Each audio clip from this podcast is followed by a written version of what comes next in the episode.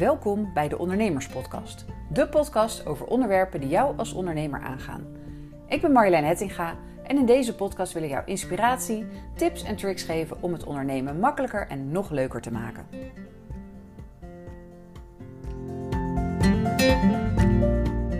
Deze week was ik te gast in de podcast van Jennifer Delano. En zij is in haar podcast op zoek naar verhalen van ondernemers en hun klanten en waar het wel eens misging. Goede verhalen dus. Nou, ehm, toen ze mij vroeg, toen eh, kwamen daar natuurlijk gelijk wel wat voorbeelden van in mijn hoofd. En gelukkig wel allemaal van best wel lang geleden. Want ehm, nou ja, de laatste tijd uh, valt dat gelukkig wel mee met, uh, met lastige klanten. Ehm, nou, het duurt nog even voordat deze podcast online staat. Maar ik zou zeggen, ga vooral haar podcast luisteren voor smeuïge en leerzame ondernemersverhalen. Maar ditzelfde onderwerp dat kwam de afgelopen tijd nog een keer ter sprake. Uh, ik uh, had een, uh, een collega-ondernemer aan de telefoon en nou, we zaten zo'n beetje onze week door te nemen en een beetje over onze klanten te vertellen. En zij had wat gedoe met een klant die zich niet aan zijn afspraken wilde houden. En op een gegeven moment vroeg ze, ja, heb jij dat dan nooit, dat gedoe met dit soort lastige klanten? En toen zei ik, nee, eigenlijk niet. ik heb gelukkig eigenlijk alleen maar leuke klanten en mensen waar ik gewoon heel graag mee samenwerk. En toen ging ik er eens over nadenken, want dit is geen toeval. Dit is echt het gevolg van een bewuste strategie. Dus ik dacht, laat ik daar eens een podcast over opnemen. Over wat moet je doen om vanaf nu alleen nog maar met leuke klanten te werken. Want echt, dat is een keuze. Het eerste wat je volgens mij uh, moet weten is wie jouw ideale klant is. Je moet uh, van eigenlijk voordat je überhaupt nieuwe klanten gaat aantrekken, moet je weten voor of met wie jij het liefst wil werken. Niet iedereen is jouw ideale klant. Als jij de instelling hebt van, nou, iedereen kan mijn klant zijn, um, dat betekent, daar zitten dan ook niet, ja, ook minder leuke klanten tussen. Dus eerst je ideale klant bepalen. Wie is dat? Omschrijf die klant eens. Um, en denk dan aan, ja, dus je kan allerlei kenmerken natuurlijk opschrijven, maar ook wie heeft jou het hardste nodig? Voor wie, voor welk soort klanten bereik jij het beste resultaat?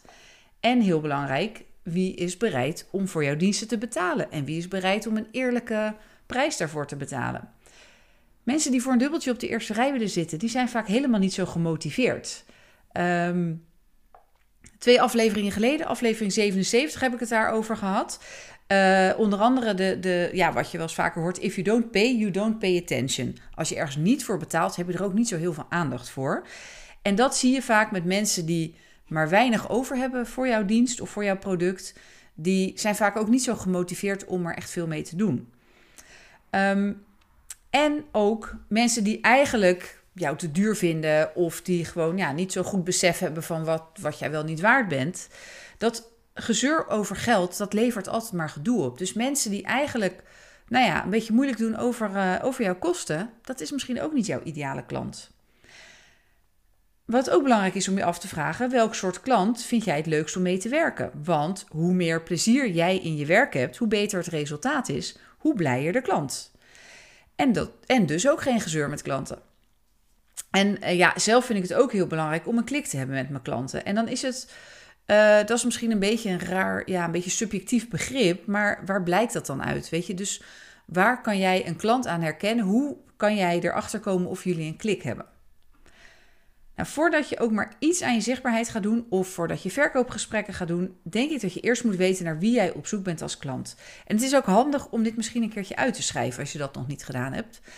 Uh, zelf heb ik boven mijn bureau een lijstje hangen, eigenlijk een soort checklist. Wie is mijn ideale klant?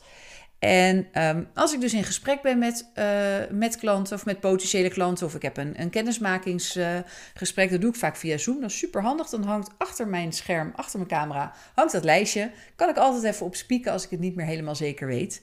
En ik heb daar allerlei dingen opgeschreven, zoals um, wat voor soort ondernemers. Mijn klanten zijn altijd ondernemers, dus wat voor soort ondernemers uh, zijn mijn ideale klant? Nou, dat zijn over het algemeen ZZP'ers, het zijn dienstverleners of kennisondernemers. Het zijn over het algemeen geen ondernemers die alleen maar een product verkopen. Dus het gaat ook echt om de ondernemer zelf. Um, welke branches werk ik voor? Nou, dat is in mijn geval niet zo heel belangrijk. Maar ik heb wel een aantal waar ik liever niet voor werk. Denk bijvoorbeeld aan uh, ICT. Dat is een branche waar ze gewoon een andere taal spreken. Ik, ja, ik spreek die taal niet. Um, Ik denk niet dat ik IT-bedrijven heel goed kan helpen, eerlijk gezegd. Dus dat is een branche waar in principe nou ja, mijn klanten niet vandaan komen. Uh, wat ook op het lijstje staat, is een, ja, wat is de gemiddelde klantwaarde? Dus wat uh, verdient mijn klant gemiddeld aan een klant. Want ik wil ook weten dat ze de investering die ze bij mij doen, dat ze die snel weer terug gaan verdienen. Dus ik wil een inschatting kunnen maken of dat het geval is. Daar staan ook op dat lijstje uh, karaktereigenschappen. Dus ik zoek ondernemers die ambitieus zijn, die een volgende stap willen maken in hun bedrijf. Uh, ik zoek mensen met een positieve instelling. Ik heb wel eens een intake, of nou, niet een intake, maar een uh, kennismakingsgesprek gehad met een ondernemer die in een van de eerste zinnen zei: Ja, ik krijg altijd ruzie met mensen. Toen dacht ik: Nou, dan weet ik niet of wij wel een goede match zijn. Want ja, als je altijd ruzie krijgt met mensen en dat ook vooral bij anderen zoekt, ja, dat is niet de positieve instelling waar ik, mee, uh, waar ik naar op zoek ben, zeg maar. Um, bij mij op het lijst staat ook dat mensen bereid moeten zijn om te investeren. Dus zowel qua tijd als qua geld. Tuurlijk, ik, mijn, een traject bij mij kost wat maar je moet er ook wat mee doen. En wat ook heel belangrijk is, is zelfreflectie. Dus kan iemand kritisch naar zichzelf kijken? Kan die tegen opbouwende kritiek? En is hij bereid om er wat mee te doen? Dus dat maakt eigenlijk een totaalplaatje van hoe mijn ideale klant eruit zou moeten zien. En ik vond het zelf heel handig. Ik heb het ooit een keer uitgeschreven. En um, ja, dat herinnert je er toch steeds weer aan. Nu hoef ik eigenlijk niet meer op dat lijstje te kijken. Maar het herinnert je er gewoon steeds aan van wie is nou die ideale klant? En vooral ook om daar naar op zoek te gaan. En ook alleen maar naar die ideale klant. De tweede uh, ja, succesfactor, zeg maar, uh, is dat je goede vragen moet stellen. Het is leuk om te weten wie jouw ideale klant is, maar hoe ontdek je dat als je iemand nog niet kent?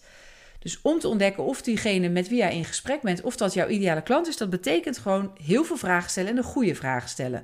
Dus tijdens zo'n eerste kennismaking maar ook tijdens een verkoopgesprek. Als het echt aankomt op zaken doen, is het ook belangrijk om te ontdekken: zijn jullie de goede match?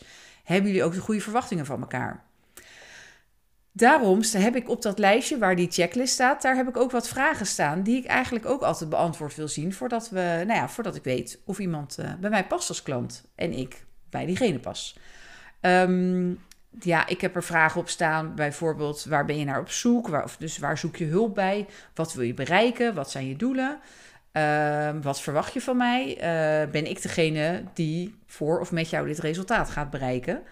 Um, ik vraag ook waar, wat heb je tot nu toe zelf geprobeerd? Dus wat heb je zelf gedaan? En waarom, of ja, waar ging het mis? Waar lukt het nog niet? Of wat, waar, ja, waar kan ik je dan bij helpen? Vaak hoor je in antwoorden heel veel informatie ook over hoe iemand in elkaar zit. Dus bij dit soort vragen van waar ging het mis of waar lukt het nog niet zo goed, kan je, ja, ontdek je ook bijvoorbeeld, neemt iemand zelf verantwoordelijkheid of ligt altijd alles aan anderen of aan de omstandigheden? Um, ik stel ook vragen als: ben je bereid aan de slag te gaan met hetgene wat je van mij leert of de, de adviezen die ik je geef? Want ik kan natuurlijk van alles vertellen, maar als iemand te eigenwijs is eigenlijk om daar wat mee te doen, dan, uh, en, en ze zullen natuurlijk niet gauw nee zeggen op zo'n antwoord, maar vaak ontdek je toch wel aan hoe uh, ja, spontaan iemand antwoord geeft, wat, uh, ja, wat het antwoord is, zeg maar. Um, ja, en in, in zo'n gesprek geef je ook aan wat jij biedt, maar vertel je ook duidelijk wat jouw verwachtingen zijn van een klant. Dus nou ja, wat ik zei, zo'n één op één traject bij mij, dat is, uh, je krijgt heel veel tips en heel veel informatie, maar je moet er wel zelf mee aan de slag, want anders wordt het geen succes. Dus door heel veel uh, ja, vragen te stellen, ook te vragen wat jouw klant van jou verwacht, dan uh, ja, voorkom je dat er later onduidelijkheden over zijn. hoe beter jouw vragen zijn, hoe groter de kans dat er een goede match ontstaat tussen jou en je klant. En uh, nou ja, weet je, als je veel online werkt en online bijvoorbeeld Zoom-gesprekken doet, nou, dan kan je net als ik gewoon zo'n lijstje uh, op je scherm zetten of achter je, achter je beeldscherm hangen bijvoorbeeld. Dus dan kan je altijd even stiekem op, uh, op kijken. Maar als jij gewoon live met iemand een gesprek hebt, ja, waarom zou je niet ook gewoon een lijstje meenemen? Dat laat zien dat je goed voorbereid bent. En het laat ook zien dat je zo'n kennismaking serieus neemt en dat je het gewoon grondig wil aanpakken. Een derde uh, sleutel tot succes in dit geval, denk ik, uh, is kritisch zijn. Kritisch zijn op wie jij als klant aanneemt. Niet elke opdracht en niet elke klant willen binnenhalen, maar het mooiste is als je gewoon alleen maar ja kan zeggen tegen klanten en tegen klussen waar jij super blij van wordt. En nou hoor ik je denken, ja, tuurlijk, jij hebt lekker makkelijk praten, maar ik heb die omzet keihard nodig. En dat snap ik. Daar, als je in die positie zit, als je gewoon heel dringend omzet nodig hebt, dan snap ik dat het best wel moeilijk is. En dat je misschien ook het gevoel hebt dat je helemaal niet kritisch kan zijn, dat je echt alles binnen wil halen. En toen ik net met mijn bedrijf begon, toen had ik zeker ook dat gevoel. Ik was net een jaar wereldreis geweest, mijn spaargeld was op. Ik had geen uitkering, want ik had natuurlijk zelf mijn baan opgezegd. Dus ik had echt het idee van: oké, stress. Ehm, ik moet elke opdracht, elke kans op omzet moet ik binnen zien te halen. En um, ging me ook best wel in bochten wringen om dat te doen. Dus ik, her, ik weet nog, ik herken dat gevoel zeker. Maar ik ben er wel achter gekomen dat je juist ook op die momenten kritisch zou moeten zijn op wie je als klant wil. Of wat voor soort opdrachten je wil doen. Want die klanten die eigenlijk net niet bij je passen, dat zijn vaak degenen die de meeste energie kosten, het meeste aandacht vragen, het meeste gedoe opleveren en vaak niet uh, de volle map willen betalen. Die niet al jouw uren willen betalen en ze kosten heel veel tijd, ze willen minder betalen. Beetje de, nou ja, de 80-20 regel zal hier ook wel van toepassing zijn. 20% van je klanten kosten 80% van je energie. En door af en toe nee te zeggen tegen klanten die niet bij je passen, dus door echt kritisch te zijn met wie jij, wie jij wel en niet als klant wil, daar maak je gewoon ruimte mee voor die ene, die super fijne klant. En als jij de keuze durft te maken om alleen nog maar met mensen in zee te gaan waarbij je verwacht, ja, dit wordt gewoon super leuk, hier gaan we gewoon, ja, dit gaat gewoon heel fijn worden om samen te werken. Dat zorgt dat jij meer plezier in je werk hebt. Nou, nogmaals, dat zorgt weer voor betere resultaten, want jij gaat ook gewoon liefst een stapje harder lopen voor dit soort klanten. En het levert geen of in ieder geval minder gedoe over geld op. Want klanten die jou gewoon willen betalen voor je diensten, die blij met je zijn, ehm, die, nou ja, voor wie jij een beter resultaat levert, dat betekent gewoon tevreden klanten. En tevreden klanten zeuren niet over een factuur. En tot slot, de vierde tip die ik in dit geval kan geven is: wees altijd eerlijk. Als jij bijvoorbeeld geen goed gevoel hebt bij iemand, zeg dat dan gewoon. Als iemand niet aan jouw checklist van ideale klant voldoet, wees daar gewoon eerlijk over. En dat hoeft helemaal niet kwetsend te zijn. Ehm, probeer het gewoon bij jezelf te houden. Zeg dat jij denkt dat jij niet de persoon bent voor de klus. Uh, verwijs iemand eventueel door naar een ander. En probeer het ook gewoon uit te leggen. Zeg gewoon, joh, uh, dit zijn mijn nou ja, voorwaarden voor een, een goede relatie. Niet, noem het dan niet voorwaarden voor een ideale klant, maar dit zijn mijn, uh, ja, het is mijn checklist voor wanneer gaan we, tot, gaan we dit tot een succes maken. En ik ben bang dat ik niet daaraan kan voldoen. Dus houd gewoon lekker bij jezelf. Um, ik had in het begin nog wel eens, ik zit bij een netwerk waar we uh, met name, nou ja, waar, waar het over aanbevelingenmarketing gaat. Dus waar we vooral kijken waar we voor elkaar kansen zien. En uh, nou, als een soort ambassadeurs van mekaars bedrijf met de leden onderling proberen elkaar te introduceren bij potentiële klanten. En daar kreeg ik nog wel eens, of nog steeds eigenlijk, krijg ik uh, soms wel eens aanbevelingen waarvan ik eigenlijk van tevoren weet dat past gewoon niet echt bij me. En in het begin vond ik het dan vond het heel moeilijk om dat te zeggen. Um, dus dan ging je toch, daar vertel ik ook in die podcast van Jennifer Delano, vertel ik daarover. Uh, want dat was eigenlijk precies zo'n voorbeeld. Dat je van tevoren dacht, hmm, moet ik het wel gaan doen? Maar ja, iemand had mij daar aanbevolen. En dan vind je het toch lastig om, uh, ja, om, om, nee te zeggen. Um, maar ja, dan loopt het soms minder goed af. En ik ga niet vertellen hoe, want dat mag je lekker in haar podcast luisteren natuurlijk.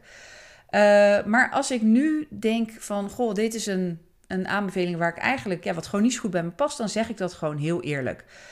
En dan zeg ik ook, joh, lief dat je me aanbeveelt, maar um, ja, ik probeer daar gewoon wel heel duidelijk in te zijn. Want door, als je duidelijk kan vertellen wie wel en niet je klant is, dan kan diegene je voortaan nog veel beter aanbevelen. Als jij zo'n aanbeveling zegt, oh leuk, nee, ik ga wel even bellen, en het vervolgens niet doet, is voor diegene ook vervelend.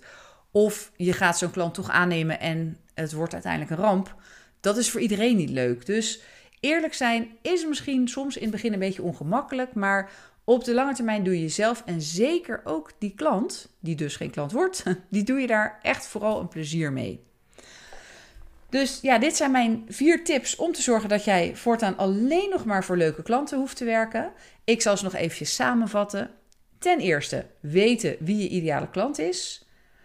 Als je uh, dat weet, goede vragen stellen, uh, zodat je kan ontdekken of iemand jouw ideale klant is. Kritisch zijn, ten derde, in wie jij als klant wel en niet aanneemt. En tot slot, mijn vierde tip: altijd eerlijk zijn. Wees gewoon eerlijk als jij denkt: dit gaat niet tot een match made in heaven leiden. Dit gaat gedoe opleveren. Zeg het gewoon eerlijk en begin er niet aan, want je krijgt spijt. Nou, ik hoop uh, nou, dat jij deze tips ook in de praktijk durft te brengen. De eerste twee zijn misschien niet zo moeilijk. De, de laatste twee misschien iets lastiger, maar echt, je doet jezelf er een plezier mee en, um, en eigenlijk ook de ander. En ik hoop gewoon dat jij hiermee voortaan ook alleen nog maar voor leuke klanten hoeft uh, te werken. En dat jij ook nooit meer gedoe hebt met klanten. Want uh, dat is gewoon zonde natuurlijk. Denk je nou, leuk, maar eerst moet ik eens, maar eens wat aanvragen van nieuwe klanten krijgen, want dat houdt nog niet over voordat ik deze mooie checklist af kan werken?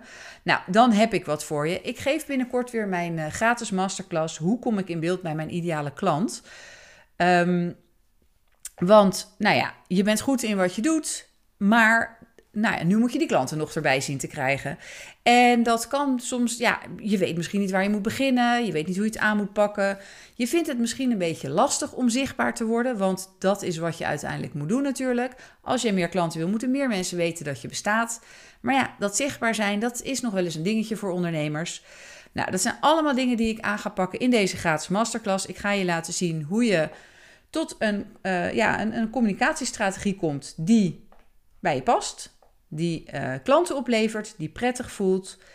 En um, ook zorg ik, ja, eigenlijk laat ik je zien wat je wel en niet moet doen, zodat het ook niet een dagtaak hoeft te worden. Want je wilt natuurlijk liever met leuke dingen bezig zijn. Uh, ik zet eventjes de link in de show notes als je daarvoor wil aanmelden. En dan uh, hoop ik je daar binnenkort te zien of te spreken.